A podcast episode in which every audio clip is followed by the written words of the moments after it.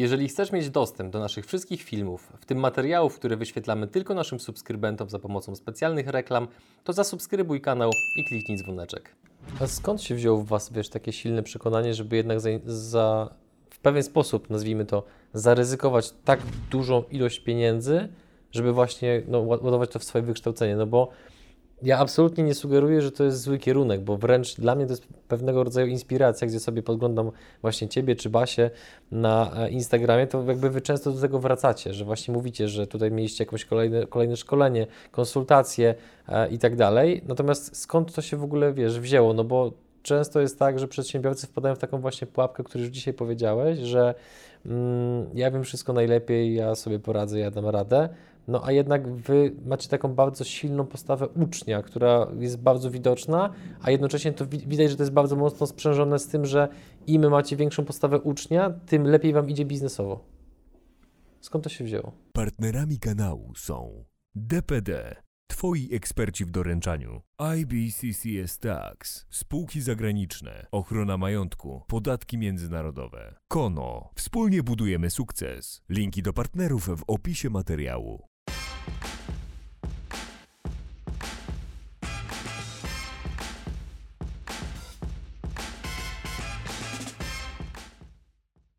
Chyba początki to granie w Fallouta, pierwszą część, więc cholera już dawno, dawno temu, gdzie to była taka gdzieś fascynacja później Stanami Zjednoczonymi, jak to w Stanach wygląda. Po tym jak mieliśmy 19-20 lat razem z moim bratkiem, to zaczęliśmy się przygotowywać do wojska, chcieliśmy służyć w jednostkach specjalnych, chcieliśmy być w Marinesach, też ta, mm, ten marketing właśnie związany z tym, jak to wszystko funkcjonuje. Chcieliśmy robić coś fajnego, też zawsze nas interesowały te kwestie i szkoły w Stanach są płatne.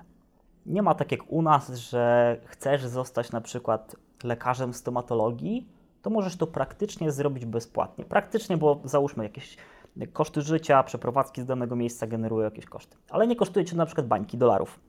A z drugiej strony wykształcenie takiego człowieka nie kosztuje zero, tylko my jako naród, my jako społeczeństwo płacimy za wykształcenie takiej osoby, która często wyjeżdża gdzieś poza granicę e, kraju. Więc patrzymy na ten kapitalizm młody u nas, jak on funkcjonuje w Polsce, patrzymy na ten kapitalizm za granicą. E, my też niespecjalnie byliśmy nauczeni, nam bardzo dużo krzywdy zrobiono. Jeżeli sobie poczytamy historię z ostatnich 50 lat, to szkoły, indoktrynacja, komunizm, wagary, uciekanie przed tym. Dla mnie tłuczenie języka angielskiego to była też taka próba gdzieś przekonwertowania mnie na jakiś inny kierunek, takie postrzeganie w głowie młodego mhm. człowieka, niekoniecznie, niekoniecznie dobre. Więc czy osoby, które wydają już takie pieniądze, mają jakieś rezultaty? Nie wiedziałem tego. Jak e, skończyła się szkoła średnia, po tym jeszcze followcie i, i przed tym powiedzmy gdzieś mocnym wejściem w tę edukację, ja pracowałem 3,50, zarabiałem na budowie, nosiłem kostkę brukową. Jak dostałem pierwszą wypłatę, to się wkurzyłem. Nie wiem, czy tu można ładniejszych słów używać, takich jak, jak zwykle używam na co dzień. Jesteśmy dorośli, się czuj się swobodnie. E, no to po prostu byłem mega wkurwiony. E, dostałem 3,50 ryły, orałem 180 godzin. E, wszyscy nosili po cztery kostki. Ja jako małolat chciałem się wykazać przed kierownikiem budowy. Teraz raczej bym nie nazwał go kierownikiem, tylko 8.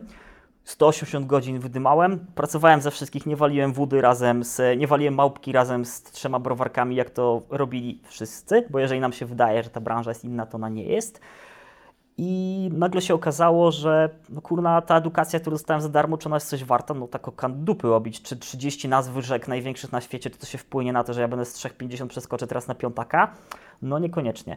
I poszedłem do podjąłem decyzję, że pójdę do szkoły policjalnej, chyba to była psychologia półroczna. Pierwszy raz w życiu ktoś mi wystawił szóstkę. Pierwszy raz w życiu powiedział ktoś, że ja coś, po, że ja coś potrafię. Mega się wkręciłem. E, uczyłem się tego i wydałem, wydawałem na tę szkołę z radością kasę co miesiąc. Widziałem, że ja świadomie, jak wybieram na co wydaję kasę i ja świadomie się edukuję, czyli to ja podejmuję decyzję. Nie przerzucam ciężaru swojej edukacji na państwo. Bo czy, ja, czy one coś mi jest winne? Nie, nic mi nie jest winne. Czy moja rodzina mi coś jest winna? Nie jest mi nic winna, bo ja otrzymałem największy dar życia, że oni tyrali po łokcie, żebym był w stanie mieć co jeść, e, żeby móc e, dzisiaj być w miejscu, w którym jestem Więc teraz ja mam obowiązek, żeby tym osobom, które mi pomogły pomóc, jeżeli ja się za siebie nie wezmę i czegoś nie zrobię nie stanę w lustro i powiem weź się kurwa ogarnij, to to w żadnym kierunku nie pójdzie.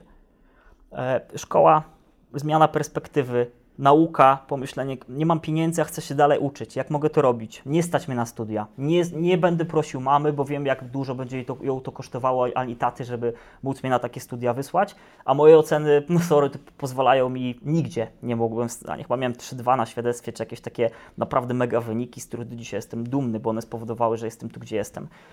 E, I wyjeżdżam na zmywak i właśnie ta edukacja, czyli ta chęć e, zaczęła się bardzo, bardzo wcześnie przez wzięcie odpowiedzialności za to, że ilość kasy, którą kosztuje praca z kimś, jeżeli ktoś zarabia 100 koła na miesiąc, to ja nie napiszę do niego, hej, czy odpowiesz mi na takie pytania, albo czy zrobisz mi konsultację, bo ja szanuję jego czas i nie będę robił z siebie debila, żeby e, chcieć wyciągać jego czas za darmo, bo wiem, ile jego to kosztowało dojście do miejsca, w którym on jest.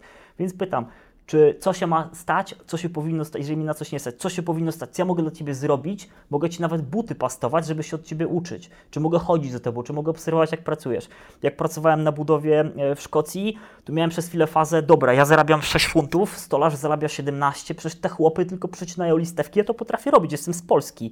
Potrafię przykręcić gniazdko, potrafię zrobić jakieś proste rzeczy. Mój tata pracował na, e, jest mechanikiem na statku, więc potrafi robić te rzeczy, część rzeczy od niego nauczyłem. Nie umiem za, mega dużo, jednak biegam w takim zestawie, a nie innym, co rzutuje też na to.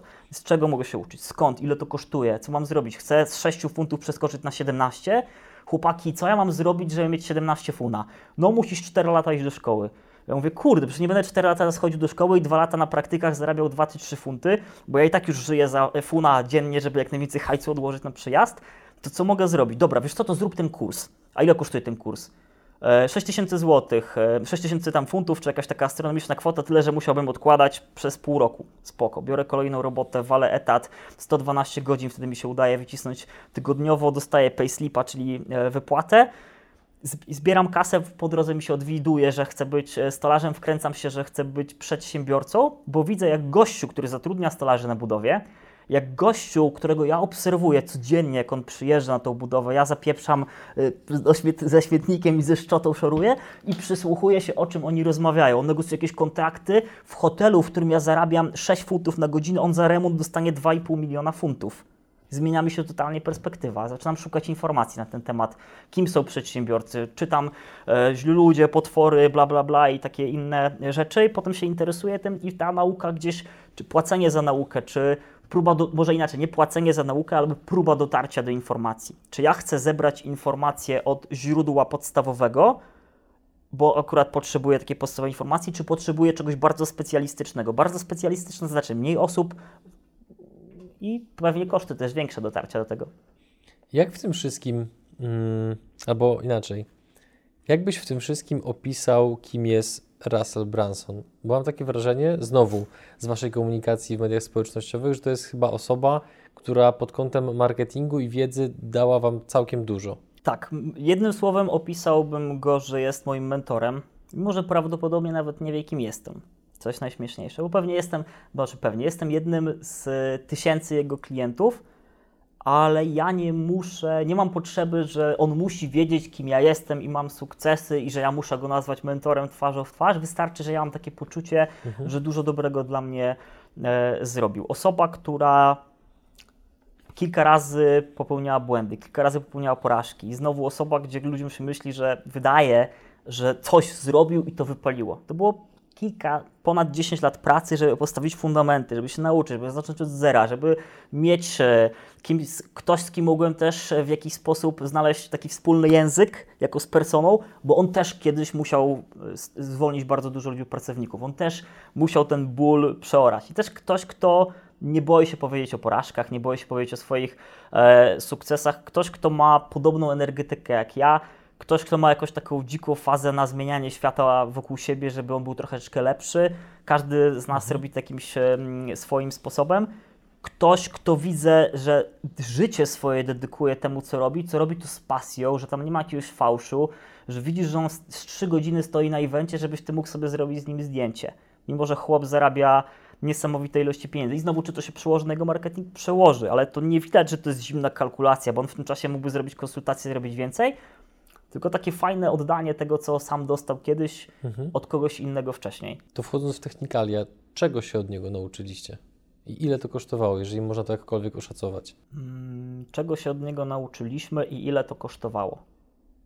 Pierwsza, pierwsza chyba jakaś inwestycja, czy pierwszy produkt to było kilkaset dolarów. Em, największa inwestycja to było 25 tysięcy dolarów w produkt, który kupiliśmy na sali. Po prostu. Była informacja, hej, słuchajcie, mam zajebistą ofertę, ona kosztuje 25 koła, da wam to, to, to, to i to, kto chciałby kupić. Nie było tak od razu, siedzę z Basią obok, patrzymy na siebie, obydwoje już tak e, i pytam, e, Basia mówi, kupujemy? Ja mówię, dobra, to tylko się zastanówmy, co, nam to, co mam to dać. I zawsze ona była to taką właśnie rozsądną osobą, a teraz ja przyjąłem taką funkcję. Czasami tak jest, że właśnie przyjmuję taką funkcję, akurat wtedy wyszło, że Piotrek musiał zostać na miejscu, byliśmy razem na tym evencie. E, I siedzimy i się zastanawiamy, 25 tysięcy koła. No kurde, to jest 100 tysięcy zeta, nie? No to dużo. E, Jest dużo. Co nam mam to dać? To, to, to, to i to. Okej. To jeżeli to kupimy, czy my jesteśmy w stanie się zobowiązać, że my wykorzystamy tą wiedzę? Ile tam jest e, godzin tego kursu? 450. I ktoś pomyśli, sporo. Ale jak się zastanowisz, ile godzin siedziałeś w ławce w podstawówce na jednym semestrze, to jakoś nie było problemu wysiedzieć tyle. Okej, czyli jesteśmy w stanie zrobić, dobra, 2-3 godziny dziennie podzielimy się na 4-5 osoby. Jaki jest nasz cel? Nasz celem jest to, że kupimy ten produkt, to chcemy być na tej scenie za kilka lat i albo chcemy mieć podobne chociaż rezultaty. Fajnie by było na przykład, żeby to przyniosło powiedzmy ze 100 tysięcy, albo żeby to chociaż przyniosło te 25 tysięcy. Więc, więc y, uzasadnienie, czy ta inwestycja się zwróci, co ona ma nam dać. Więc po przerobieniu takiej emocjonalnej, ok, emocjonalnie jesteśmy zajarani, chcieliśmy to kupić. Przez to, żebyśmy we dwójkę to weszła logika, jakbyśmy byli sami, to by tylko byśmy kupili emocjonalnie. E, I to była dobra inwestycja, po dwóch i pół miesiąca ona się nam zwróciła. Czego się nauczyliście? Czego się nauczyliśmy? No bo myślę, że dla wielu oglądających y, kupienie czegoś ze sceny po Naucz- szybkiej kalkulacji, która, przepraszam, była logiczna, Tak. 25 tysięcy dolarów, no to niezależnie od poziomu zamożności, no to to jest jakby już znacząca suma pieniędzy, więc co Wam ten produkt dał, czego się nauczyliście? Oczywiście jakby no, nie proszę, żebyś zdradził wszystkie elementy, no bo jednak to kosztowało 100 tysięcy złotych, ale chociaż niektóre z nich, jeżeli mógłbyś uchylić rąbka tajemnicy.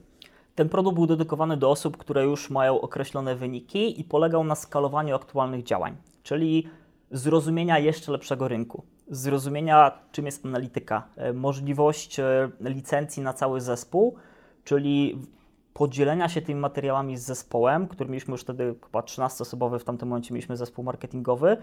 I okej, to ta osoba będzie się uczyć tego, ta osoba się będzie uczyć tego, więc uzyskanie wiedzy, która dla mnie była gwarantem, Widzę, że chłop zbudował firmę software'ową, technologiczną, która ma kilkadziesiąt tysięcy abonamentów, czyli kilkadziesiąt tysięcy e, osób czy podmiotów korzysta z tego. To znaczy, że w najgorszym razie dojdzie do tych samych rezultatów, skoro kupuje dokładnie wiedzę, którą on ma.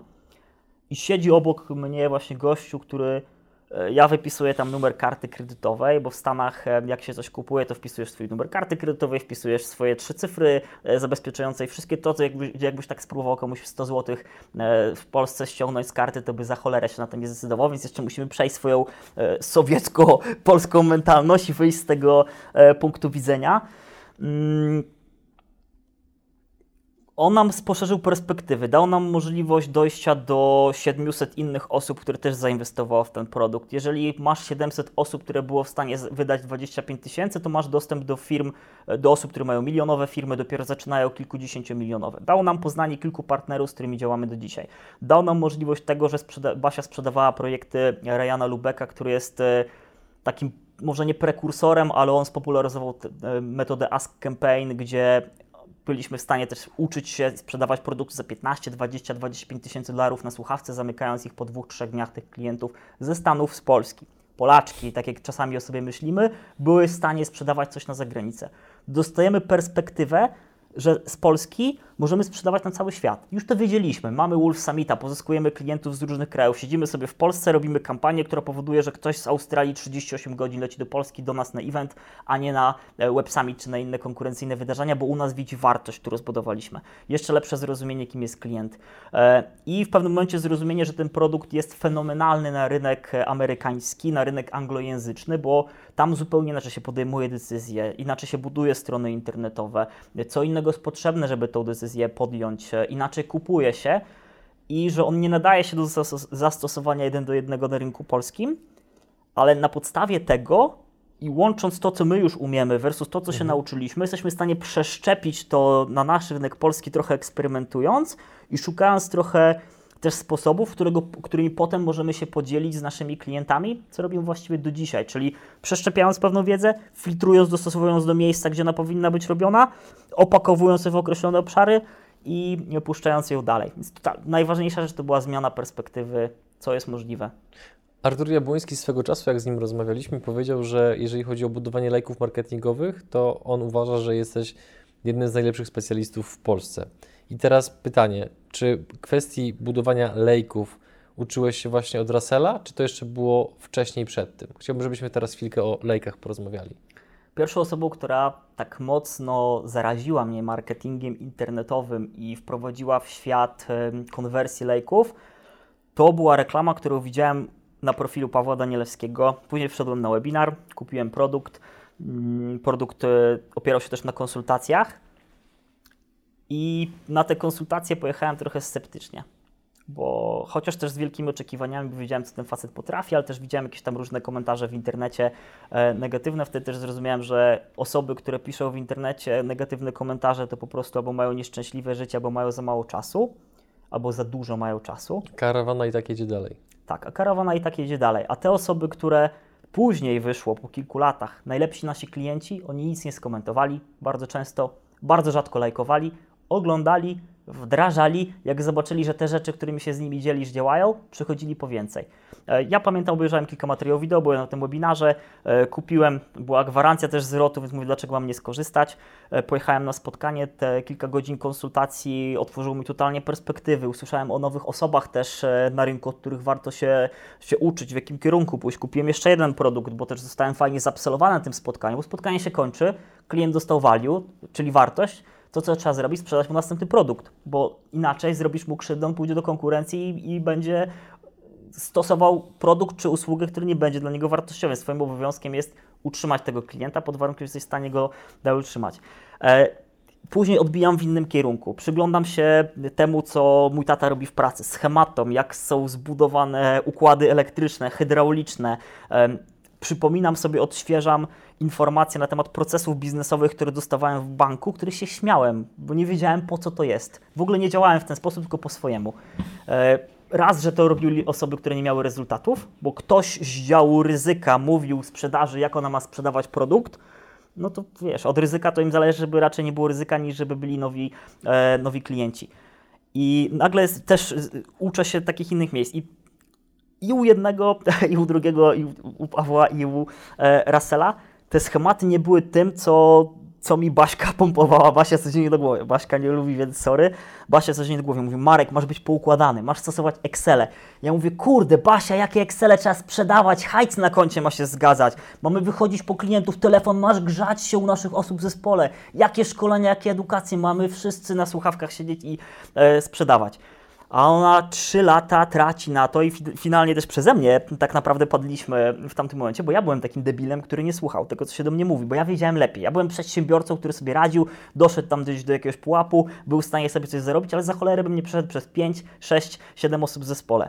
Schematy poukładania, lejki, okej, okay, spoko, ale jak ten lejek, czyli jak ten marketing ma się stać przedsiębiorczością, Czyli jak ten marketing ma się wpisać w cały obrazek. My często nie lubimy tego marketingu, bo on nam nie wpisuje się w obrazek całości. To jest marketing. A to ma być serducho naszej firmy, to ma być układ krwionośny, który pompuje wszędzie środki, może nie środki odżywcze, ale tlen, którym będziemy w stanie oddychać, czyli dostaniemy te paliwo naszego biznesu, czyli te lidy, czy potencjalne namiary do klientów. Więc chłopaki dali mi zajebistą, e, zajebiste fundamenty. E, Artur, od którego się uczę do dzisiaj, Paweł, od którego się uczę e, do dzisiaj, Russell, od którego się uczę do dzisiaj, kilka jeszcze innych mhm. osób, których obserwuję, inspiruję się nimi w internecie to są osoby, które mm, pomogły mi bardzo wiele zrobić, ale to takie poukładanie czy zlepienie tego, czyli ok, no sobie zrobimy jakiś lejek, ale jak to się wpisuje w całość, to właśnie było zlepianie tych informacji, jak to, na, na co większość przedsiębiorców, użyjmy słowa adekwatnego, sra się w internecie, jeżeli z nimi rozmawiasz wprost. To jest e, takie podejście, że korpo szczury, korpo landia, zryty beret przez korporacje. To jest zamknięcie się i ograniczenie na poukładanie swojego biznesu, na przewidywalność swojego biznesu, na zrozumienie, że nawet jeżeli jesteś osobą kreatywną, to ty funkcjonujesz w jakimś zespole. Ten zespół ma funkcjonować w jakiś określony sposób. Czytałem książkę Bravo to Zero, czytałem książki o wojskowości, więc wiem, że dyscyplina jest istotna.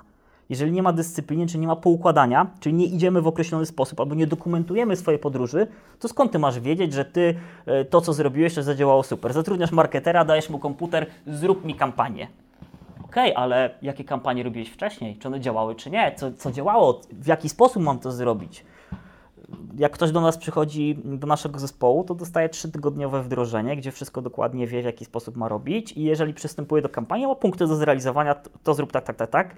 I ma informację, że ma dodawać coś od siebie do tego, czyli ma ulepszać ten proces, procesy biznesowe, instrukcje. Skoro do cholery kupując meble z Ikei, korzystasz z instrukcji, a nie kręcisz na ślepo śrubki, bo to często się kończy tak jak ja, że szuflada e, na przykład do drugiej strony, mimo że z instrukcją jadę, to z tymi meblami Ikei sobie nie zawsze radzę, to dlaczego w biznesie nie masz instrukcji u siebie? Dlaczego widząc instrukcję w IKEA nie robisz instrukcji dla swojego zespołu, dla swoich klientów, jak korzystać ze swojego produktu to częściej, ale nie dla swojego zespołu? Więc poukładanie, lejki, rozwinięcie dużo mi dało możliwość e, uczenia się od osób, które pracowały w korporacjach. Dlaczego w polskim internecie, to jest moje zdanie, nie wiem czy się z nim zgodzisz, dlaczego w polskim internecie jest tak mało informacji o tym, jak budować lejki marketingowo-sprzedażowe? Ja szukałem tej wiedzy naprawdę na bardzo różnych stronach i w sposób teoretyczny bardzo podstawowy to tłumaczy praktycznie każdy, ale potem, żeby wejść w jakieś niuanse, pokazać jak zbudować poszczególne etapy i tak dalej, to takiej wiedzy praktycznie ja nie mogę znaleźć, jeżeli chodzi o polski internet. Świetne pytanie. E, dużo kolegów i koleżanek, albo nie kolegów i koleżanek, bo się nie znamy, ale lubię obserwować pracę nie artystów, tylko rzemieślników, specjalistów w swoim fachu nie podzieli się tym, bo nie chce być obrzucony głównym w internecie.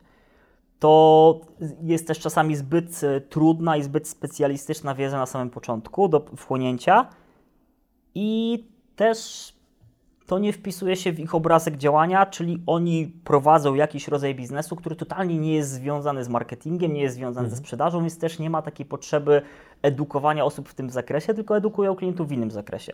Na przykład sprzedając maszyny do cięcia metalu, edukują w jaki sposób, e, dlaczego, ile to zaoszczędzi środków, czy robią to samo, co ktoś sprzedający coaching za granicą czy kursy, tylko dostosował to do swojej e, niszy. Ludzie e, sukcesu, osoby, które generują kilka, kilkadziesiąt czy kilkaset milionów, jeżeli nie mają osobowości, mm, chęci uczenia w sobie, osobowości opartej o uczeniu, o byciu nauczycielem, e, czy nie mają takiej potrzeby dzielenia się tą wiedzą, to nie będą się nią dzielić, bo nie potrzebują tego robić. Z drugiej strony często są to osoby, które poszły w tym kierunku, żeby budować siebie, swoją samoocenę, na przykład jak ja, żeby w czymś być dobrzy, co pozwoliło im i nie chcą teraz, żeby im ktoś powiedział, jesteś głównym, głównym, głównym, głównym, nie nadajesz się, coś tam ktoś to robi inaczej, a, a ten, który ma 100 tysięcy subskrybentów robi to, to i to. No okej, okay, ale jakie on ma rezultaty? I oni też nie potrzebują, albo mają tak dobre mniemanie o sobie, że on jeździ mhm. fajnym samochodem, nikt o nim nie musi wiedzieć, doszedł do tego w taki sposób, ma fajne mieszkanie, jest zadowolony z życia, ma czym płacić środki.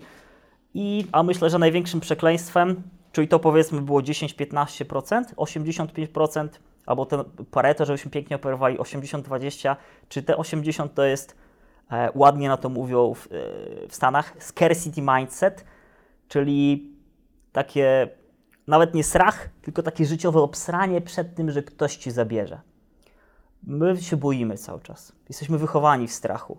Nam się pompuje, to co mówiłem wcześniej, nie będę już tak może ideologicznie tego tłoczył, ale boisz się. Jeżeli ty coś zrobiłeś i coś ci wyszło, to ty boisz się o tym powiedzieć, bo zaraz ktoś to będzie robił inny e, i zrobi to lepiej ale jeżeli to pasuje do Twojej na przykład strategii, żeby podzielić się tą informacją, bo dzięki temu przyciągniesz sobie dodatkowych klientów, albo E, jeżeli pomyślisz w ten sposób, że jeżeli na przykład jesteś specjalistą, jesteś złotnikiem, podzielisz się jedną rzeczą, którą zrobiłeś innowacyjnie z 20 rzeczy, bardzo często złotnicy zabierają swoje przepisy do grobu, jeżeli nie będą mieli ucznia, którym to przekażą tę informację.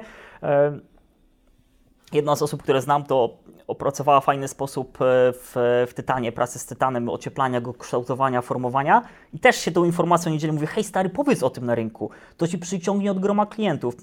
Nie jestem w stanie się e, przebić z tą informacją. I po prostu w pewnym momencie nie próbujesz już. Po co? Mhm. Po co walić grochem o, o ścianę? I zaczynasz szukać innej ściany, która jest bardziej chłonna. Zaczynasz szukać tych osób w miejscach, gdzie być może to nie są zbyt popularne, bo to nie będą miliony ludzi, to nie są tematy dla setek tysięcy. Powinny być, bo przecież mamy przedsiębiorców troszkę więcej w Polsce, ale jednak bardzo, bardzo niszowe. I ta niechęć przed dzielenia się wiedzą to jest coś, z, czego, z czym ja może nie próbuję walczyć, bo ja z tym nie walczę, tylko po prostu robię swoją robotę. I mówię, słuchaj, jeżeli ty się podzielisz tym, to co ci się złego z tym stanie? Czy ktoś, czy ktoś, kto jest człowiekiem sukcesu, albo chce być człowiekiem sukcesu, czy on będzie chciał to robić sam, czy będzie chciał skorzystać z wiedzy kogoś, kto może mu w tym pomóc zrobić to lepiej? Albo czy to może być podłoże do stworzenia przez Ciebie firmy usługowej, która będzie się zajmowała robieniem właśnie tego, a jeżeli Ty powiesz, co Ty robisz, to ktoś e, zrobi to samo. Czy jeżeli obserwujemy Kubicę, w jaki sposób on jeździ i będziemy razem z nim, czy my będziemy nagle Kubicą? Nie, bo większości z nas się nie będzie chciało tego zrobić. Po prostu. Więc nie trzeba się tego obawiać. I wydaje mi się, że to są takie główne powody tego to pozostając w temacie lejków, jak niejednokrotnie sobie znowu do tego wrócę, bo to jest bardzo cenne źródło informacji, Wasze storiesy. Tak na marginesie to jesteście jednymi z tych, którzy mnie zainspirowali, żeby również nagrywać storiesy, ale nie na zasadzie jakiegoś chwalenia się, tylko bardziej dokumentowania trochę rzeczywistości. Tak chyba nawet Gawy Wajnewyczuk mówi. Kiedyś, kiedyś słyszałem właśnie takie zdanie, pomimo, że jakoś nie jestem um, aktywnym czytelnikiem czy oglądaczem jego treści, to uważam, że to jest zdanie, które może bardzo fajnie otworzyć pewną szufladkę w głowie, żebyś żeby nie podchodzić do tworzenia treści w internecie jako do czegoś, że ty się chwalisz albo robisz siebie z eksperta, tylko dokumentujesz w pewien sposób swoją pracę i jednocześnie przez to, że to publikujesz w internecie, to musisz jednak o to odrobinkę zadbać, żeby nie mówić bądź nie pisać głupot. I e, na jednym z Twoich storiesów e, widziałem, jak pokazywałeś jak właśnie Ty budujesz, czy jak są zbudowane u Ciebie lejki marketingowe, natomiast no, jedyne, co można było tam wyczytać, to to, że jest milion komórek, kresek, które się ze sobą łączą nagle widzisz taką po prostu pajęczynę, takiego, wiesz, bardzo, kurczę, sprytnego pająka, który jakby wie, że jak tą, tą, w tą sieć uderzysz, to prawdopodobnie prędzej czy później dojdziesz do właściwego miejsca. A jakby oczywiście jakby ogromny ukłon, to nie jest żaden przytyk, to jest ogromny ukłon dla Ciebie, że potrafisz to robić, bo tak jak powiedziałem, szukałem tej wiedzy w polskim internecie, no i jakby no, w teorii każdy może być mocny, ale ty no, oprócz tego, że masz o tym pojęcie, to jeszcze to wdrażasz w waszych projektach biznesowych razem z, z, z Basią, z Piotrem i z resztą zespołu, co potem daje ogromne efekty. I teraz puentując tą super długą wypowiedź pytaniem, jak zacząć się uczyć, bądź co jest początkowo kluczowe w budowaniu podstawowych lejków marketingowych? Skoro nie ma tego w internecie, to dajmy, że tak powiem, nagrajmy jakiś krótki materiał o tym, potem być może z tego zrobimy również tekst i tak dalej. Dajmy innym chociaż taki drobny trop, gdzie mają podążać, żeby szukać tej wiedzy. W matematyce było coś takiego jak ciągi marketingowe. A właściwie nie ciągi marketingowe. Dobra, jeszcze raz zacznijmy. Nie, to musi zostać. ciągi marketingowe. W matematyce było coś takiego jak ciągi liczbowe na przykład. 1, 2, 3, 4, 5. 1, 4, 7, czy jakieś tam odstępy powtarzające się. Czyli dojście z punktu A do punktu Z. W geografii było coś takiego. Od A do Z do, dochodzimy. Czyli jest jakaś droga do pokonania. Odpalając Google Mapsa widzimy jakąś drogę, jakieś przeszkody, jakieś skrzyżowania, jakieś inne rzeczy. Lejki to jest próba odtworzenia czegoś, co w pewnie Kotlerze albo w jakichś innych mądrych książkach byłoby to nazwane Customer Journey, czyli ścieżka chyba klienta, czy ścieżka klienta w czasie ja coś tam potrafię o tym marketingu, ale za cholerę nie przytoczę Ci bardzo mądrych e, stwierdzeń, które gdzieś zostały oparte jakimiś tezami, bo nie bawi mnie uczenie się, jak to się nazywa, tylko bardziej mnie bawi praktyczne podejście, e, jak to działa. Mm. Pierwsza rzecz, czyli sprawdzenie, zarażenie się albo próba zarażenia się, czy przejścia z miejsca, w którym ja jestem, czyli co ja już wiem, co ja już znam i zrozumienie, że to jest pewna droga. To jest określenie pewnej drogi, czyli pewna mapa, dla naszego biznesu, w jaki sposób ma poruszać się klient od momentu, w którym nic o nas nie wie, do momentu, w którym ma stać się naszym klientem. I ja lubię zawsze porównywać marketing do, czy przedsiębiorczość, czy nawet lejki marketingowe do związków międzyludzkich. Dla mnie lejek to jest etap od momentu, w którym siadam sobie w, w pewnym momencie i podejmuję decyzję, że chciałbym z kimś dzielić moje życie, na przykład. Albo że chciałbym z wieloma osobami przez jakiś czas sprawdzić, z kim powinien dzielić swoje życie. Ale załóżmy, że jestem na etapie, że chciałbym z kimś dzielić swoje życie. To jaka jest pierwsza rzecz? Możemy wziąć pierwszą lepszą osobę i być może trafimy, być może nie, albo się zastanawiamy, jakie, kto to powinien być, kim powinna być ta osoba, jak ona ma wyglądać. Powiem na swoim przykładzie, czyli to by była kobieta w moim przypadku. Jakie ma mieć włosy, jak ma wyglądać, jak ma się zachować, jakie ma być wnętrze, powinna być opiekuńcza, powinna o mnie dbać, jak, powinna e, dawać mi poczucie, że dowożę, czyli jestem taką osobą, że jest w stanie jej zapewnić takie życie, która, która chce. Tak zostałem wychowany, że to mężczyzna dowozi, ale też nie mam problemu z tym, że kobieta realizuje się i bardzo bym się źle czuł z tym, jakby kobieta mnie utrzymywała, gdybym ja sobie nie radził, ale jeżeli dwie strony są tymi ciągnącymi do góry, to też jest totalnie e, ok. Czyli określenie, kim jest mój klient, czyli ten znowu początek, na samym początku, gdzie jesteśmy i dokąd chcę dojść. Chcę dojść przez to, że będą jakieś pewnie randki, czy trafię na pierwszym razie, jak te randki powinny wyglądać, gdzie one mają się odbyć. Jeżeli to jest e, kobieta, w której ostatnio w pięknym filmie e, polskim Jak zostałem gangsterem, było fajnie powiedziane, stali przy stole, tam bilarda sobie e, grali i był tekst w stylu, że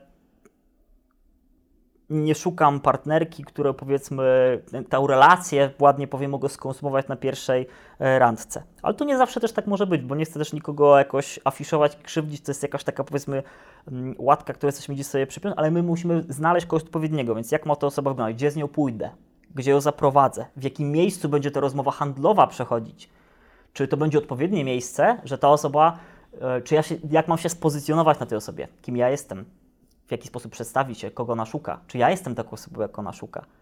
Czy tak, jak ten klient szuka? Jeżeli ja się spozycjonuję fałszywie, to to i tak wyjdzie z tym klientem po kilku miesiącach albo z nią. Po prostu się rozpadnie, to się po prostu nie uda.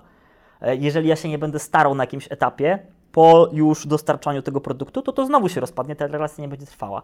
Ale jeżeli ja zaplanuję, jak to ma wyglądać, zostawię trochę freestylu, bo ten freestyle musi być po drodze, e, to przejdziemy przez piękne różne obszary w swoim życiu. I tak samo może wyglądać nasza ścieżka z klientem. I możemy znowu podchodzić, że biznes jest nieprzewidywalny, że moja nisza jest inna niż Twoja, że to, co ja robię, jest totalnie inne i to nie ma zastosowania w moim biznesie. A możemy z pokorą stwierdzić, dobra, to może ja bym sobie taką mapkę narysował. I możemy sobie dzisiaj usiąść po, po zakończeniu mhm. tego materiału, oglądaniu.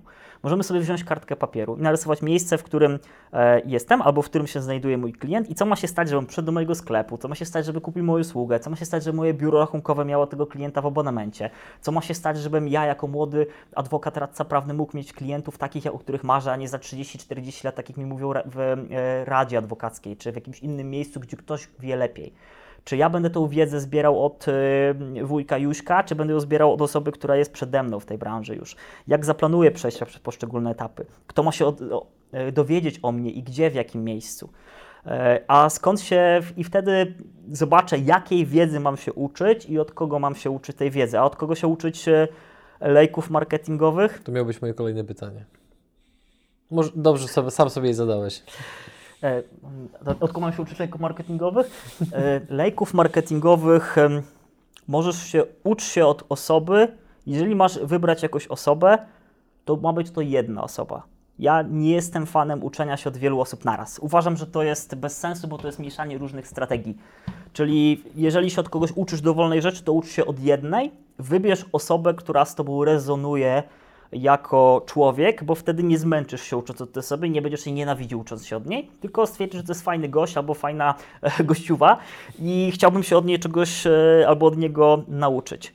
Później określ, czy ta, nie bój się powiedzieć sprawdzam i zrób te sprawdzam. Czy to jest fantasta, który dzisiaj wczoraj coś przeczytał i nagle stwierdził, że będzie e, alfą i omegą, albo staje przed lustrem, mówi: Ja pierdolę, jesteś zajebisty, będziesz teraz trenerem, albo będziesz teraz e, takim narcyzem uczących ludzi? Czy to jest ktoś, kto faktycznie ma jakieś rezultaty i dowozi? Dowozi, czyli to, co powiedział, to, to, to się zadziało. Czy jesteśmy w stanie to jakoś sprawdzić? Jeżeli ktoś ma rezultaty, to najczęściej nie trzeba go sprawdzać, bo po prostu my je widzimy e, gołym okiem. Myślę, że jeżeli ktoś jest w biznesie przez jakiś czas, to jest łatwo w stanie określić, kto jest golasem, a kto nie jest golasem. Jeżeli ktoś jest golasem, to znaczy, że nie ma rezultatów, chyba że jest golasem z wyboru, bo skupia się na wiedzy teoretycznej, na uczeniu, albo po prostu się uczy to jest jego misja. To też jest ok. Znam świetnych specjalistów, którzy nie zarabiają kokosów, ale oddają się uczeniu. Znam niesamowitych specjalistów, którzy uczą w e, bidulach, czyli w domach dziecka, dzieciaki raz na jakiś czas. Nie, biorą, nie, nie zarabiają kokosów, ale są świetni w tym, co robią. Więc nie zawsze też to może być super odniesienie, ale to będzie wiedza, którą będzie się dało wyczuć, będzie się dało zobaczyć, czy ktoś gada głupoty, jeżeli już jesteś w biznesie. Jeżeli dopiero zaczynasz, no to często nie masz takich e, umiejętności, często się zapalasz, często właśnie ten, mm, nie ta logika, ale te emocje decydują o tym, żeby, żeby coś e, kupić i znaleźć. To podaj nazwiska. A zapytam inaczej, kiedy Ty zaczniesz się dzielić tą wiedzą właśnie a propos lejków i tak dalej? Um, Jakiś blog, kanał na YouTubie, podcast? Wiesz co, ja mam bardzo rozbudowanego wewnętrznego krytyka. I zacząłem jakiś rok temu nad sobą pracować nad tym i właśnie zidentyfikowałem, że z tych siedmiu typów to chyba mam dużą większość. E, mimo, że w tym pierwszym pytaniu, które mi zadajesz, czy ja się czuję świetnym specjalistą w tym, co robię, to popatrzyłem na wyniki, popatrzyłem na to, ile gdzieś generujemy środków co miesiąc. I to było dla mnie wystarczające, żeby uznać, że tak, wzięcie odpowiedzialności za naukę za kogoś innego, mm, ja to robię już w pewnym stopniu, potrzebuję jeszcze kilku sukcesów, żeby sam przed sobą uznać, że to jest ten etap, w którym ja mogę wziąć odpowiedzialność za to, że ktoś, kto mi wpłaci określoną kwotę na konto albo skorzysta z mojego oprogramowania, będzie miał takie, a nie inne mhm. E, rezultaty. Na razie to robię w jakimś mniejszym stopniu dla mm, kilkuset klientów, z którymi e, pracujemy w, w ramach naszych e, spółek, tych, gdzie mam możliwość podzielenia się swoją wiedzą, ale póki co bardziej realizuję się w tym, żeby wypychać osoby, które mają wiedzę od nas z organizacji, żeby pokazać, hej, to jest od niej masz się uczyć, albo od niego masz się uczyć, no bo kurde, ja się od tego, od tej osoby uczę. Mhm. I później, wiesz, wyjście z tego, że ty się od kogoś uczysz i masz siebie spozycjonować na równi z tą osobą, od której się uczysz, dla mnie jest problemem. Jeszcze, mimo wszystko, że niektóre osoby mówią mi, kurczę Marek, no już to jest ten etap, to ja wewnętrznie jeszcze nie czuję się z tym na tyle mocny, żeby z tym wyjść. Nagrywam materiał, jakieś wideo, oglądam go, mówię, kurczę, taki, taki błąd jeszcze popełniłeś, um, nie jest to to. Robię jakiś wpis blogowy i lecę tak szeroko, że zastanawiam się, czy ktoś to zrozumie. Póki co staram się też e, siebie dostosować do takiego poziomu, żeby móc to przelać od samego początku, czyli jak zacząć, jak zrobić. Teraz e, piszę książkę Marketing dla przedsiębiorców, z rok, z rok już nad tym projektem siedzę, dziś właśnie próbuję sobie jakoś to poukładać i być może to będzie taką pierwszą drogą. Nie wiem jeszcze kiedy ona e, wyjdzie, mhm. bo nie wiem jeszcze kiedy uznam, że ten projekt jest gotowy, żeby go wypuścić w świat. E, ale na razie dużo lepiej mi się e, pracuje właśnie z takimi osobami, które powiedzmy już mają te 5-10 milionów tego powtarzalnego przychodu mhm. rocznie, bo jesteśmy w stanie bardzo łatwo się zrozumieć, jeżeli te osoby coś już mają wspólnego z marketingiem czy przedsiębiorczością, bo jeżeli ja sam generuję takie rezultaty, jeżeli te osoby generują takie rezultaty, to my rozmawiamy o trochę innym poziomie, o trochę innych kwotach, i czuję, że ten czas jest odpowiednio wykorzystany. A nie masz takiego wrażenia, że ten proces myślowy, który u Ciebie zachodzi jako taka pewnego rodzaju blokada, która rzekomo ma zniknąć, jak jeszcze odniesiesz kilka sukcesów, pomimo że już te, które odniosłeś, uważam, że wystarczająco mocno legitymują Cię do tego, żeby się tą wiedzą dzielić i jakby ja tutaj nie pytam z uprzejmości, tylko z czystego egoizmu, no bo ja chciałbym mieć do tej wiedzy dostęp, nie? Jakby, czy na zasadzie podcastu, czy właśnie bloga. Tak jak chociażby właśnie od pewnego czasu już tutaj wspomniany Artur Jabłoński prowadzi podcast, no to mhm. nie wszystkie odcinki słucham, bo nie, niekiedy jest tak specjalistyczna tematyka, że jakby ona nie jest mi powiedzmy potrzebna w danym momencie, ale wiele z jego odcinków przesłuchałem i one mi otworzyły oczy na pewne sprawy. I wydaje mi się, że mm, trenujesz jakiś sport? Czy trenuję? Czy trenujesz jakiś sport? Tak, chodzę na siłownię, ćwiczę na siłowni, myślę, że to jest jakiś sport. Aha, no jasne, jakby, no i tutaj jakby tutaj na chwilkę przejmę mikrofon, bo e, tutaj spróbuję publicznie być może Cię przekonać do tego, żeby ten proces e, troszeczkę skrócić, aniżeli wydłużyć. No i jeżeli trenujesz jakiś sport, w moim przypadku są to sporty walki, no mhm. no to ja regularnie spotykam kogoś, kto po prostu, no, że tak powiem, posiłkując się mocniejszym słownictwem, po prostu mi wpierdoli na macie, nie? Tak. Jakby, no, pomimo tego, że jednocześnie widzę masę osób, od których jestem lepszy, lepiej skoordynowany, znam więcej technik, szybciej reaguję na wyprowadzony cios i tak dalej, to i tak co jakiś czas pojawi się gość, który ma większy zasięg ramion, jest wyższy, bardziej skupiony, ma lepszą kondycję i tak mnie koniec końców zajedzie. Tylko, że no mm, teraz jakby absolutnie tutaj nie próbuję powiedzieć, że za chwilę będę trenerem sportów walki, ale chodzi o to, że gdybym chciał tym trenerem być, to dla pewnej grupy osób już w tej chwili mógłbym im część tej wiedzy przekazać, jednocześnie przyspieszając ich rozwój. A w momencie, jak będę czekał kolejny rok, dwa albo pięć lat,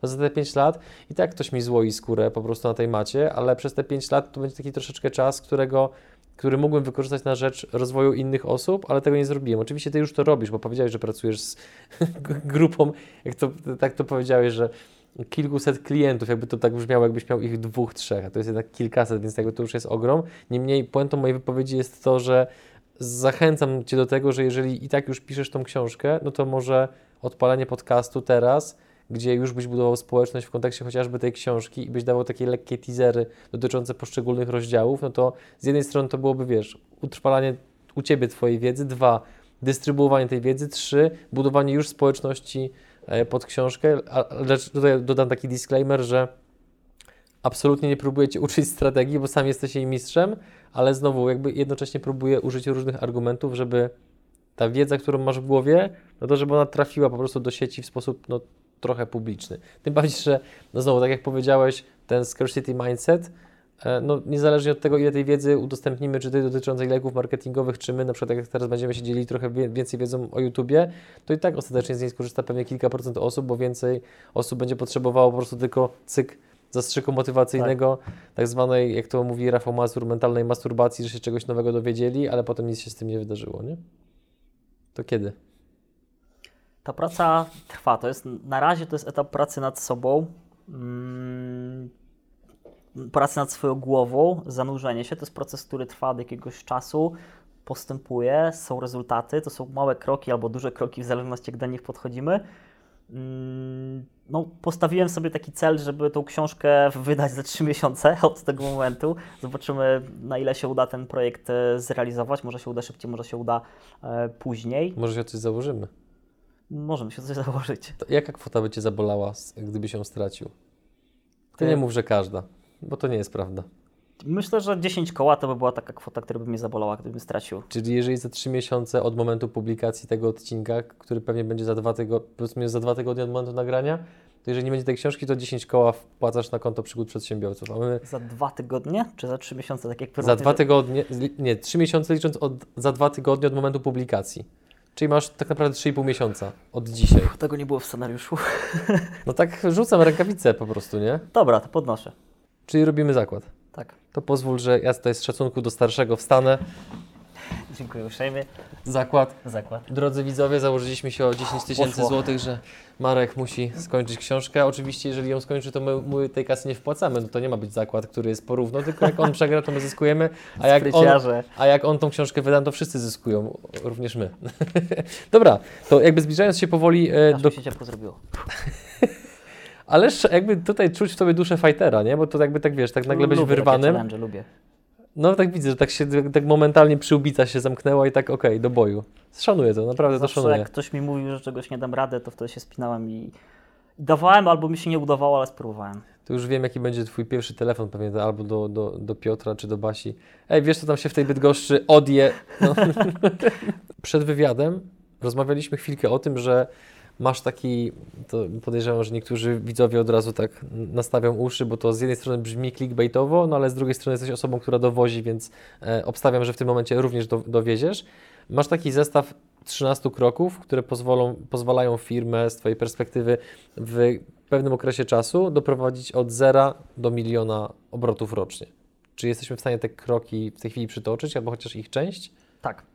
E, część jestem w stanie przytoczyć. E, faktycznie może to brzmieć dosyć abstrakcyjnie, ale to był plan ratunkowy, który został opracowany w 2015, potem 2016, 2017, 18, 19 i 20 cały czas jest doskonalony.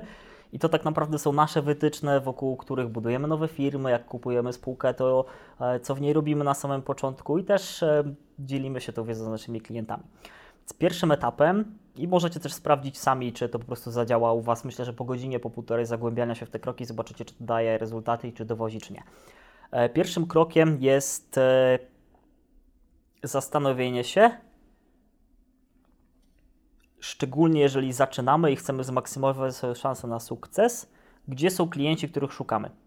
Ja do tego podchodzę w taki sposób, że na przykład moi klienci, gdzie się mogą znajdować? Oni się znajdują prawdopodobnie już u jakichś influencerów, czyli znajdują się już jakichś osób, nie mylić tylko i wyłącznie z twórcami internetowymi, um, którzy generują też setki tysięcy zasięgów, a mówią o niczym. Tylko mogą to być osoby, które mają kilkaset osób w społeczności, kilka tysięcy, kilkadziesiąt tysięcy, kilkaset tysięcy. Mogą to być organizacje, które zrzeszają przedsiębiorców czy jakichś innych osób. Czyli ktoś, kto już ma społeczności moich klientów.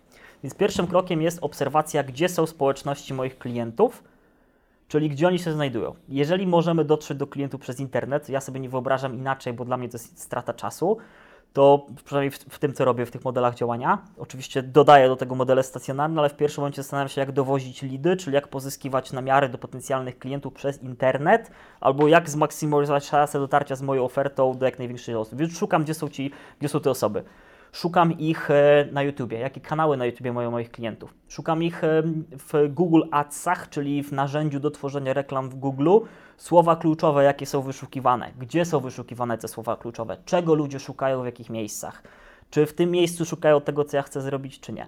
Sprawdzam reklamy na Facebooku czy moja konkurencja, konkurencja, jeżeli jest ktoś niżej ode mnie albo na podobnym etapie, albo jeżeli ktoś sobie radzi ode mnie lepiej, czy on robi te reklamy, czy nie robi te reklamy, dla kogo on robi te reklamy, jak te reklamy wyglądają.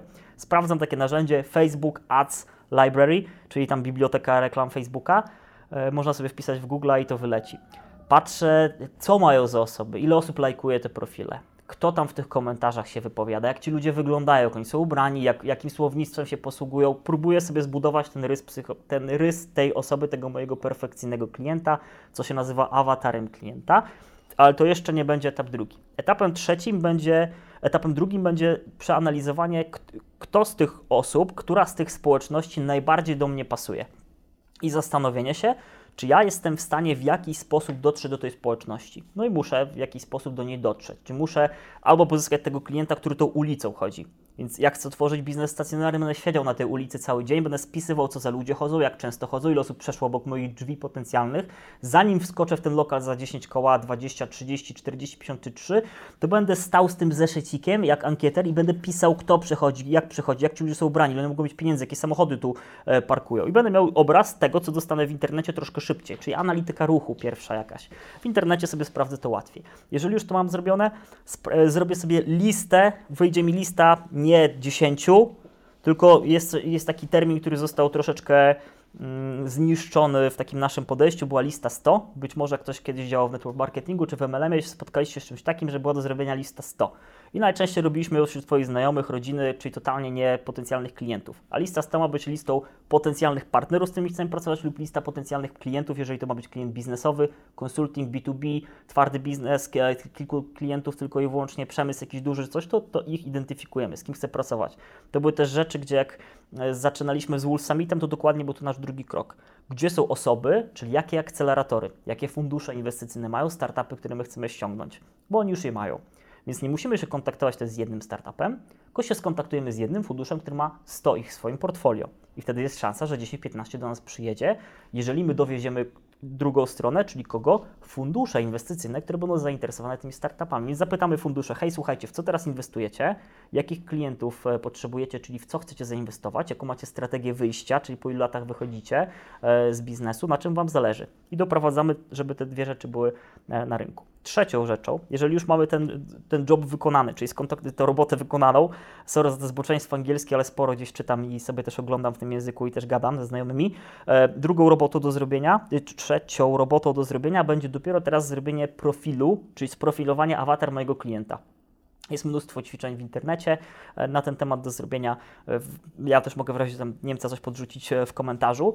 Takie proste ćwiczenia, proste ćwiczenie, kilkadziesiąt punktów awatar klienta, który trzeba odpowiedzieć. Jak on się nazywa, gdzie on się znajduje, jak się nazywa, jak on wygląda, jest drugorzędne, bardziej jest istotne ile może wydać na moją usługę, skąd, jaki ma budżet, jak to się wpisuje w poszczególne działania, czy jestem jego pierwszą potrzebą, drugą czy trzecią. Jak lekarz, no to pewnie pierwszą, ale tylko w ograniczonym czasie.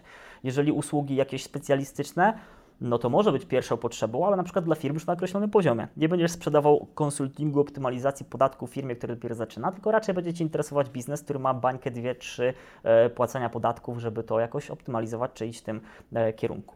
Więc mamy zbudowanego awatara, kto jest tym moim klientem. Czwartym krokiem jest zastanowienie się, w jaki sposób mam do nich dotrzeć. Czyli mam już tego mojego awatara, gdzie mam, wiem, gdzie się znajduje, to jak mam do niego dotrzeć, jakimi kanałami.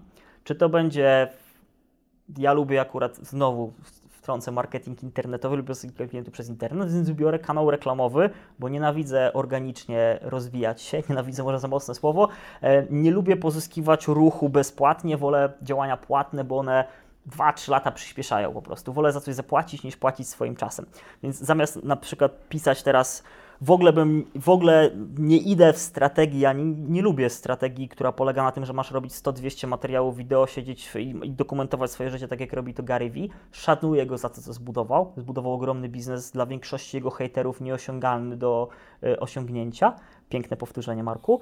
Jest typowym hustlerem, albo może raczej pozycjonuje hustling, czy jest to, nigdy tego nie, nie dowiemy się, póki nie spędzimy z nim trochę czasu tak face to face i nie poznamy, czy to jest stworzona persona, czy, czy chłop faktycznie um, taki jest. Czyli jakimi kanałami? Na przykład reklama na Facebooku, na przykład reklama na, YouTubie, na przykład reklama na Google, na Instagramie, reklama na blogach specjalistycznych, reklama na grupie, na przykład taka elektroda, jeżeli tam są Twoi klienci, to po cholerę masz robić Facebook Adsy. Jak masz na elektrodzie osoby, które są na przykład specjalistami, wdrażają. Sprzedawałbym jakieś teraz systemy elektroniczne, tam szukałbym moich klientów. Szukałbym fora, gdzie ci ludzie się agregują, żeby do nich dotrzeć. Kupowałbym banery, E, na stronach, artykuły sponsorowane, możliwości występowania przed tymi e, społecznościami. Jeżeli na przykład byłbym świetnym hydraulikiem, to chciałbym się dowiedzieć, gdzie są klienci, którzy podejmują decyzję o tym, że chcą mieć świetnego hydraulika w domu. Czy to ma być biznes, który będzie dla deweloperów, czy to ma być biznes, który będzie dla klientów indywidualnych. Jak dla klientów indywidualnych, czy chcę być jednoosobowym zajebiście przystojnym hydraulikiem Markiem, który będzie kosił 5 stówek za godzinę, a panie będą piszczały, bo się spompuje 20-30 kg i, i, tak będę działał. Obserwuję takiego jednego chłopa na Instagramie, notabene, który tak kafelki e, montuje i świetnie to po prostu robi. Ma bardzo fajnych, prestiżowych klientów z tego. Znowu, gdzie jest mój, jaki już wiem, mhm. kto jest moim klientem, to gdzie się znajduje ten klient. Później e, budowa całego zaplecza, więc zaplanowanie tego lejka, o którym wcześniej e, fajnie mm, powiedziałeś, czyli gdzie on się znajduje, dokąd ma doprowadzić, czyli gdzie jest ten klient teraz, a jak wygląda moje wejście, czyli na przykład czy ja mam wejść do niego, zapukać do drzwi, czy on ma kupić ode mnie e, przez internet. Kolejnym etapem, skąd ci klienci mają wiedzieć, że ja robię dobrą robotę. W pierwszej kolejności muszę się skupić na tym, żeby robić dobrą robotę, czyli muszę pozyskać jakichś pierwszych klientów. E, jeżeli nie jestem w stanie tych klientów, więc model pozyskiwania klientów, czy to będzie bezpłatna konsultacja, czyli mm, o, widzę, że masz e, w domu kominek, to ja przyjdę sprawdzić, czy tam jest wszystko ok, czy komin jest drożny i tym podobne i podczas tego spotkania powiem Ci, że masz kupować takie drewno, a nie inne i mogę mieć już skład, który będzie wtedy te drewno sprzedawał sezonowane, a nie masz grzać gazetami, bo zapłacisz więcej na to. Czy masz e, wpuścić kominiarza, bo ja jestem kominiarzem, macie udrożnić komin. Czy może masz go przepalić, bo jestem Twoim kolegą, który Ci powie weź, wrzuć tam ten e, i po prostu przepalisz to wszystko. I teraz czy masz tam wełnę w tym kominie, czy jakieś inne rzeczy.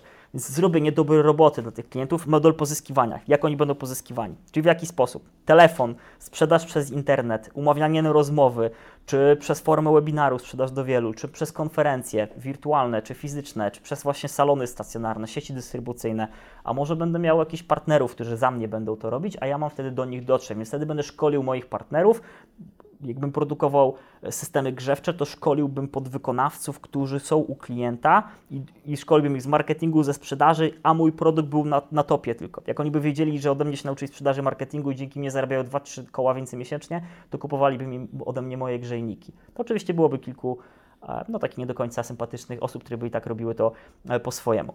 Kolejna rzecz, jak już możemy pójść jeszcze e, dalej, to dokumentowanie rezultatów. Czyli już mamy odpaloną ten schemat działania. Mamy odpaloną już tę machinę, czyli zbudowaliśmy stronę internetową i nie wydajemy 200 koła na salon i nie wydajemy 1000 zł na stronę, tylko wydajemy 100 koła na salon i 100 koła wydajemy na stronę. Bo strona to jest nasz salon w internecie, którego odwiedzi znacznie więcej osób niż tam. 100 koła nie musimy wydać, możemy wydać mniej i też nie musimy 100 koła na początku wydać salon, bo jeszcze nie wiemy, czy to się w ogóle zwróci, więc trzeba się zastanowić, czy ta inwestycja też jest w ogóle e, opłacalna. Bardzo ciekawa perspektywa, której chyba jeszcze nigdy nie słyszałem, a jest godna zapamiętania. Kontynuuj proszę. Dziękuję pięknie. Czyli gdzie, jak rozłożyć siłę, jaka ma być moja wizytówka? Czy ja muszę dzisiaj zainwestować w ten branding, czy to kompletnie nie jest konieczne dla moich klientów? Jeżeli to jest klient, który, dla którego jest istotny design, branding, to jak on wygląda, jak on się zachowuje, ja będę widział, że, że on tak wygląda i tak się zachowuje, jest dla niego istotne, to w tym kierunku pójdę. A jeżeli nie jest to istotne, to co jest dla niego takim mm, Czyli co ma być archetypem mojej marki? Tych, tych archetypów jest 12 i te archetypy odpowiadają temu, kim jest mój klient, albo właściwie czego ten klient oczekuje jako obrazu specjalisty. Czy on oczekuje osoby opiekuńczej, czy on oczekuje kogoś, kto będzie mu mówił, co ma robić, czy on oczekuje archetypu kogoś, kto w pewny sposób zakocha się w jego biznesie, czy on oczekuje mędrca. No tych archetypów jest mega i można się nimi bardzo e, fajnie bawić. Więc archetyp, który narzuca też pewny schemat działania na mój biznes. I na początku nie muszę jeszcze tam 10 czy setek godzin przeznaczać, jaki ma być archetyp. Mam tylko wiedzieć, kim ja chcę być dla swojego klienta i konsekwentnie taką osobą być. Idealnie jak taką osobą jesteś, bo jeżeli taką osobą jesteś, to nie masz problemu, żeby się napinać, skać się kimś innym.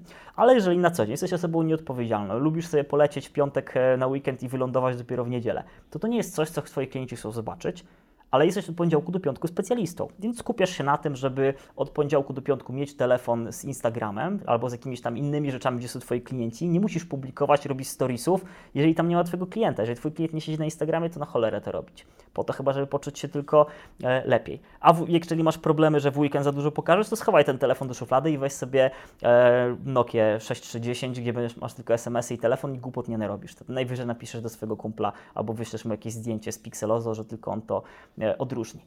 Czyli dokumentowanie swoich rezultatów później. Zrobiłeś fajne wdrożenie, zainstalowałeś e, kocioł grzewczy, mm, zainstalowałeś instalację fotowoltaiczną, e, dowiozłeś jakąś usługę, która na przykład Twojemu klientowi pozwoliła w bezpieczny sposób zatrudnić pracownika, zrobiłeś fajną umowę czy inne rzeczy, podziel się tym.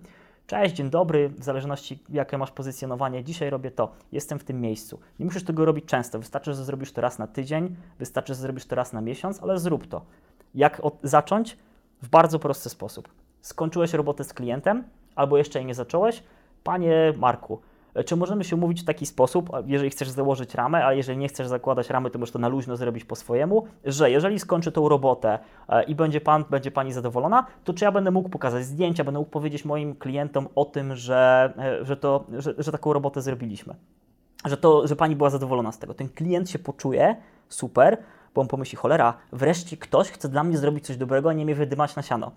Więc już takie spozycjonowanie faktu pozwala, że klient ma, sprawdzam formę, bo ten gość, ta, ta pani sympatyczna, ona to nagra, ona to opisze, zrobi zdjęcia, więc ta robota będzie dobrze wykonana, jest poczucie bezpieczeństwa już na etapie zamykania oferty sprzedażowej, zdokumentowanie rezultatów dla innych klientów. Zrobił dobrą robotę. Chyba, że jesteś szarlatanem, który przychodzi, żeby nastukać klocka w tygodniu e, dwa, a potem się uwalić na mieście, to po co masz być przedsiębiorcą na, na etacie, przez, e, śmigasz się w dużych korporacjach, więc wtedy sobie robisz krzywdę będąc przedsiębiorcą. Jak jesteś przedsiębiorcą, masz robić dobrą robotę, bo inaczej padniesz prędzej czy później. Zdokumentowałeś ten rezultat. Gdzie masz go opublikować?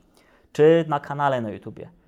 Czy na Facebooku, czy na Instagramie, czy na swoim blogu. I nie musisz mieć milionów wyświetleń. Wystarczy Ci 100, wystarczy Ci 200, bo to jest 100-200 Twoich potencjalnych klientów. Jeżeli tak zaczniemy na to patrzeć, to będziemy dużo, dużo bardziej z przodu. A później to już jest robienie tego tylko lepiej. Zatrudnienie pierwszej osoby do zespołu, która najczęściej jest asystentem albo asystentką, żeby odciążyć się z obowiązków, żeby móc jeszcze lepiej robić to, co robimy dobrze. Mniej zajmować się fakturami, mniej zajmować się przelewami. Wiem, że znowu wszyscy jesteśmy obsrani, żeby oddać dostęp do swojego konta bankowego i innych rzeczy, ale im szybciej zrozumiemy, że cały świat nie próbuje nas okraść, tylko jeżeli sami mamy takie podejście, to prawdopodobnie golimy swoich też klientów. A jeżeli szukamy i otaczamy się uczciwymi osobami, i szukamy też takich osób na początku. One kosztują więcej, praca z takimi osobami, ale powoduje, że nie robimy sobie krzywdy e, docelowo w swoim biznesie. Skupiamy się na tym. Więc jesteś świetnym specjalistą, to cholera nie słuchaj tych wszystkich osób, które ci mówią, że masz robić reklamy teraz na Facebooku, masz się tego uczyć, że masz się uczyć występować przed kamerą.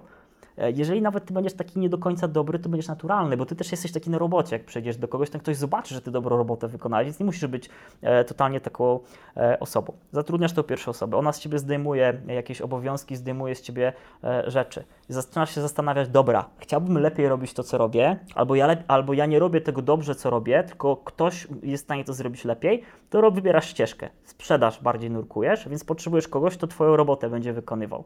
Jeżeli jesteś świetny w swojej pracy, to szukasz świetnego sprzedawcy, który będzie dbał o Twoich klientów, a nie będzie Ci wrzucał pierwszą lepszą poziomkę czy prawdziwka z rynku, którego masz spisać w cudzysłowie, podpisać, pójść do niego na robotę i się cholernie źle czuć, że Ty tam jesteś. Bo Ty, ty jesteś po to zostałeś przedsiębiorcą, albo po to zostałeś przedsiębiorczynią, chyba takie słowo mm, też mam nadzieję już jest, żeby realizować swoje życie na własnych warunkach, żeby mieć zawsze pieniądze wtedy, kiedy chcesz i żeby być panem własnego losu. E, ja zostałem przedsiębiorcą, bo takich warunków nie dostałem w firmach, w których pracowałem. Gdy pracowałem. Gdybym je dostał, to prawdopodobnie bym nie był nigdy w tym miejscu, e, gdzie jestem. Więc takie warunki musisz zapewnić swojemu zespołowi. Więc jeżeli chcesz rosnąć, to musisz zapewnić warunki swojemu zespołowi lepsze niż sobie. Jeżeli chcesz mieć świetnego sprzedawcę, to musisz zrozumieć, że świetny sprzedawca będzie zarabiał więcej niż ty w firmie. I to jest totalnie ok. Jeżeli jest świetny handlowiec w bardzo dobrej firmie, to on zarabia więcej najczęściej niż prezes, albo powinien zarabiać według mnie więcej niż prezes. U mnie, e, albo u mnie, u nas, bo nie chcę tak o całej schedy wziąć do siebie, osoby, które pracują w sprzedaży, lepiej zarabiają niż ja. Dla mnie to jest totalnie ok. Jeżeli już to masz zapewnione w swojej głowie, że ty potrzebujesz określonej kwoty pieniędzy, nie musisz przepieprzyć wszystkiego, bo bo w pewnym momencie, w pewnym momencie, jak już przepieprzysz odpowiednią kwotę, to dojdziesz do tego punktu, że stwierdzisz, kurde, no ta moja samoocena już jest wystarczająca, już chyba nie muszę, e, to wtedy będzie ten etap pewnie, w którym pozwolisz, mi to zajęło kilka lat, w którym pozwolisz sobie urosnąć, pozwolisz sobie popełnić błędy, dasz przestrzeń do popełniania błędów swojemu zespołowi i skupisz się na tym w pewnym momencie, żeby pracować nad nimi, uczyć ich, przeznaczać im czas, poświęcać, a nie masz tutaj, e, zatrudniłem Cię do sprzedaży, tu masz kluczyki, tu masz telefon i wypierdalaj. Bo tak z, czasami to po prostu wygląda w niektórych filmach, że, że ta osoba, która jest członkiem zespołu jest traktowana trochę jak wycieraczka. Jak na przykład pracowałem na budowie, czy pracowałem w dwóch firmach jeszcze innych, to też przychodząc do roboty czułem się, że jestem takim chłopkiem, roztropkiem, którego po prostu trzeba wyeksploatować. Im szybciej przedsiębiorcy wyleczymy się, moi drodzy, z takiego podejścia, tym lepsze warunki zapewnimy swojemu zespołowi, tym lepsze warunki damy swoim klientom i tym bardziej będziemy e, rośli. U nas jest takie podejście, trzeba za mordyzm trzymać, bo inaczej ten ktoś się e, nie rozwija. A to dlatego, że my sami siebie musimy trzymać, wydaje mi się, za mordyzm i uważamy, że każdy ma takie słabości jak my, że skoro my rozpieprzamy wszystko z konta, to każdy będzie tak samo robił. A się okaże, że ten ktoś właśnie pilnuje nas i zaczyna się tłumaczenie z wydatków. A czemu taka kwota, nie inna poszła? Więc zespół, asystentka, specjaliści. Szukamy menadżerów od razu, bo nie chcemy zatrudniać ludzi, tylko chcemy zatrudniać osoby, które będą tworzyły te działy. Jeżeli nie trafimy, ok, mamy zajebistego sprzedawcę, mamy zajebistego marketera, mamy zajebistego logistyka, menadżera produktu, kogokolwiek e, innego. Przygotowujemy firmę do skalowania. Przygotowanie firmy do skalowania polega na tym, że jak my wyjedziemy na miesiąc, to zostawiliśmy Polskę drewnianą, zostaliśmy murowaną, jak było za Kazimierza Wielkiego, czyli biznes działa jeszcze lepiej niż e, działał razem z nami. A mo może jeszcze nie działa lepiej, ale działa tak samo ok, bo na przykład mamy, nie daliśmy tej przestrzeni do popełniania błędów. Wtedy nie oczekujmy, że on będzie rósł bo jeżeli nie ma przestrzeni popełniania błędów, to ktoś nie będzie chciał dostać zjewów po prostu na koniec od milorda, który usiądzie za biureczkiem, przyjedzie S-klasą, wciągnie brzucha spod kierownicy, żeby wysiąść i powie na pańszczyźnie, co kto ma e, robić dzisiaj na swojej roli. Więc przygotowanie do skalowania to jest też dużo praca nad swoją bańką, dokumentowanie procesów biznesowych, instrukcje, jak co zrobić. My się śmiejemy, że są instrukcje w korporacjach dojścia do e, kserokopiarki ale mało osób wie, że takie instrukcje pozwalają zaoszczędzać tysiące roboczo-godzin w ciągu miesiąca, a ta robocza godzina nie kosztuje już 3,50, tylko na przykład kosztuje 150, 500 zł. To są zupełnie inne stawki, zupełnie inny koszt, jak masz duży biznes. Long story short, to było takie przejście, sorry, że trochę przynudziłem może ilością tych e, punktów i się tak trochę rozgadałem, ale myślę, że jeżeli masz oczywiście na tym masz ochotę, to zobacz sobie po prostu na którym etapie jesteś, e, czy to będzie dla Ciebie wartościowe i sprawdź, czy to zadziała e, u Ciebie. A jak jesteś troszkę dalej, no to skupianie się już na skalowaniu, na doprocesowaniu, do, doprowadzeniu do tego, żeby ta śrubeczka była elegancko bardziej przekrącona, nie porysowana, czyli takie pieszczenie. Ale zanim to pieszczenie będzie, no to jest praca u podstaw. Absolutnie nie zgodzę się z tym, że ktoś może pomyśleć, że to było przynudzanie, bo mam takie wrażenie, że poziom nasycenia różnymi przydatnymi informacjami w tej właśnie wypowiedzi był tak duży, że tak jak wielu widzów niejednokrotnie słyszę, że włączają sobie przyspieszenie półtora albo razy dwa na YouTubie, tak tutaj prawdopodobnie będzie tak trzy czwarte albo pół normalnej prędkości, żeby lepiej przyswajać pewne rzeczy, tym bardziej, że no ja również sobie notowałem niektóre elementy i pewnie do tego wywiadu też sam wrócę, nie raz, nie dwa, żeby zrobić notatki, więc jakby to w imieniu widzów i w imieniu swoim bardzo dziękuję Dzięki. za tą e, kosmicznie dobrą wypowiedź, która była przerywana ciekawymi i zabawnymi wstawkami. Wciągnięcie brzucha, żeby wysiąść z Mercedesa, to no... dobre. Historie życiowe. to było po prostu dobre. I tym sposobem dobrnęliśmy do końca. Dla mnie przynajmniej turbo ekscytującego i ciekawego odcinka, nasączonego taką ilością informacji, że no, mam takie wewnętrzne przekonanie, że po pierwsze zrobiliśmy coś dobrego, coś, co się przysłuży innym ludziom, e, no i ja też się personalnie jaram, bo marketing to jest ta dziedzina, którą wydaje mi się, że e, rozumiem odrobinę lepiej niż na przykład finanse czy HR, tego typu rzeczy. E, więc nasza mini tradycja, konkurs. Panie Marku, jakie jest pytanie konkursowe oraz jakie będą nagrody? Pytanie konkursowe. Troszkę się pobawmy i puśćmy wodze fantazji i sprawdźmy też nasze możliwości, więc się totalnie nie ograniczajcie. Jak, jeżeli byście dostali na całe nasze państwo i marketing naszego państwa polskiego, sprzedaż nas, naszego państwa polskiego, czy cokolwiek związanego, ulepszanie dostawy produktów, czy cokolwiek innego. Gdybyś mógł, gdybyś mogła polepszyć e, marketing polski, gdybyś e, dostała Polskę i potraktowała z punktu widzenia przedsiębiorstwa, to co byście zrobili? Jakie działania byście wdrożyli? Jakie kroki zostałyby zastosowane? Jak ten plan marketingowy, czy jak te kilka wskazówek marketingowych mogłoby zadziałać, które by spowodowały, że nasz kraj by został postrzegany w zupełnie inny sposób i w taki, jaki, byś, jaki byśmy chcieli. Tak sobie myślę, że chyba w tym konkursie również sam wezmę udział, co prawda z anonimowego konta, żeby tutaj nie, nie było żadnego faworyzowania, ale też spróbuję swoich sił. Ale teraz przejdźmy do nagród. E, nagrody. Jako nagrody będziemy mieli 10 książek. E, Startup Manual są to podręczniki, które zostały przygotowane przez 30 e, specjalistów, którzy te książki są w języku angielskim. I one pokrywają obszary budowy firmy od praktycznie założenia poprzez gdzieś skalowanie, pozyskiwanie finansowania. Więc 10 takich książek mamy w ramach nagród oraz dwie konsultacje. Normalnie za taką konsultację biorę klocek euro, czyli 1000 euro za godzinę, więc myślę, że powinny być dla Was też wartościowe. E, jeżeli ktoś wygra tą konsultację, to też zachęcam, żeby się wcześniej przygotować, spisać sobie pytania, bo będziemy mieli dokładnie 60 minut od wejścia, żeby na maksa wykorzystać albo do tego, jak zaczynasz dopiero, gdzie e, jeżeli mi na to pozwolisz, gdzie Cię mogę pchnąć, w jakim kierunku masz pójść, a jeżeli masz jakiś konkretny teraz problem w biznesie, to przejdź z jednym, a spróbuję go rozwiązać lub powiem, że nie wiem i a jeżeli powiem, że nie wiem, to powiem Ci, co ja bym zrobił na Twoim miejscu, gdzie bym tych informacji szukał, jeżeli to będzie wychodziło poza obszar moich kompetencji. To ja się tylko podpiszę pod tym, dlaczego z mojej perspektywy te nagrody są cenne, zwłaszcza konsultacje, ponieważ po pierwsze, większość przedsiębiorców, w mojej skromnej ocenie, rzadko kiedy ma dobrze poukładany marketing, więc chociażby samo takie pokazanie kierunku takiej osobie, co możesz zrobić, jak możesz zrobić, to już może być ogromna wartość. A, a druga sprawa, bardzo mocno wierzę w efekt motyla i takie czerpanie pełnymi garściami z mm, doświadczenia różnych sytuacji, takiego powiedzmy poddawania się troszeczkę takiemu świadomemu, świadomemu przypadkowi, czyli porozmawiam z jedną osobą, pojadę na drugi event, wezmę udział w trzecim szkoleniu, bo nigdy nie wiadomo, czy ta właśnie drobna rzecz, ten, ten, ten trzepot skrzydeł nagle nie spowoduje tego, że w firmie będzie pozytywne tsunami, więc drodzy widzowie, dla tych z Was, którzy wylosują którzy wygrają tę nagrodę, ponieważ Marek będzie po prostu wybierał najciekawsze odpowiedzi. Dla tych z Was, którzy wygrają konsultację z Markiem, to trzymam kciuki i mam nadzieję, że to przyniesie Waszym biznesom wiele dobrego. I przypominamy, że odpowiedzi konkursowe należy zostawiać pod filmem na YouTubie. To jest super istotna rzecz pod kątem organizacyjnym, a tymczasem żegnamy się z Wami. Dziękuję Ci Marek za Dzięki rozmowę. Pięknie. Bawiłem się świetnie. Jestem, ja jestem trochę zmęczony, mam trochę przygrzaną głowę do ilości informacji. Niemniej dla mnie to był super wartościowy czas i mam nadzieję, że również w ten sposób do tego podejdą nasi widzowie i słuchacze. Dzięki. Wszystkiego dobrego, drodzy widzowie, do zobaczenia w kolejnym odcinku. Cześć.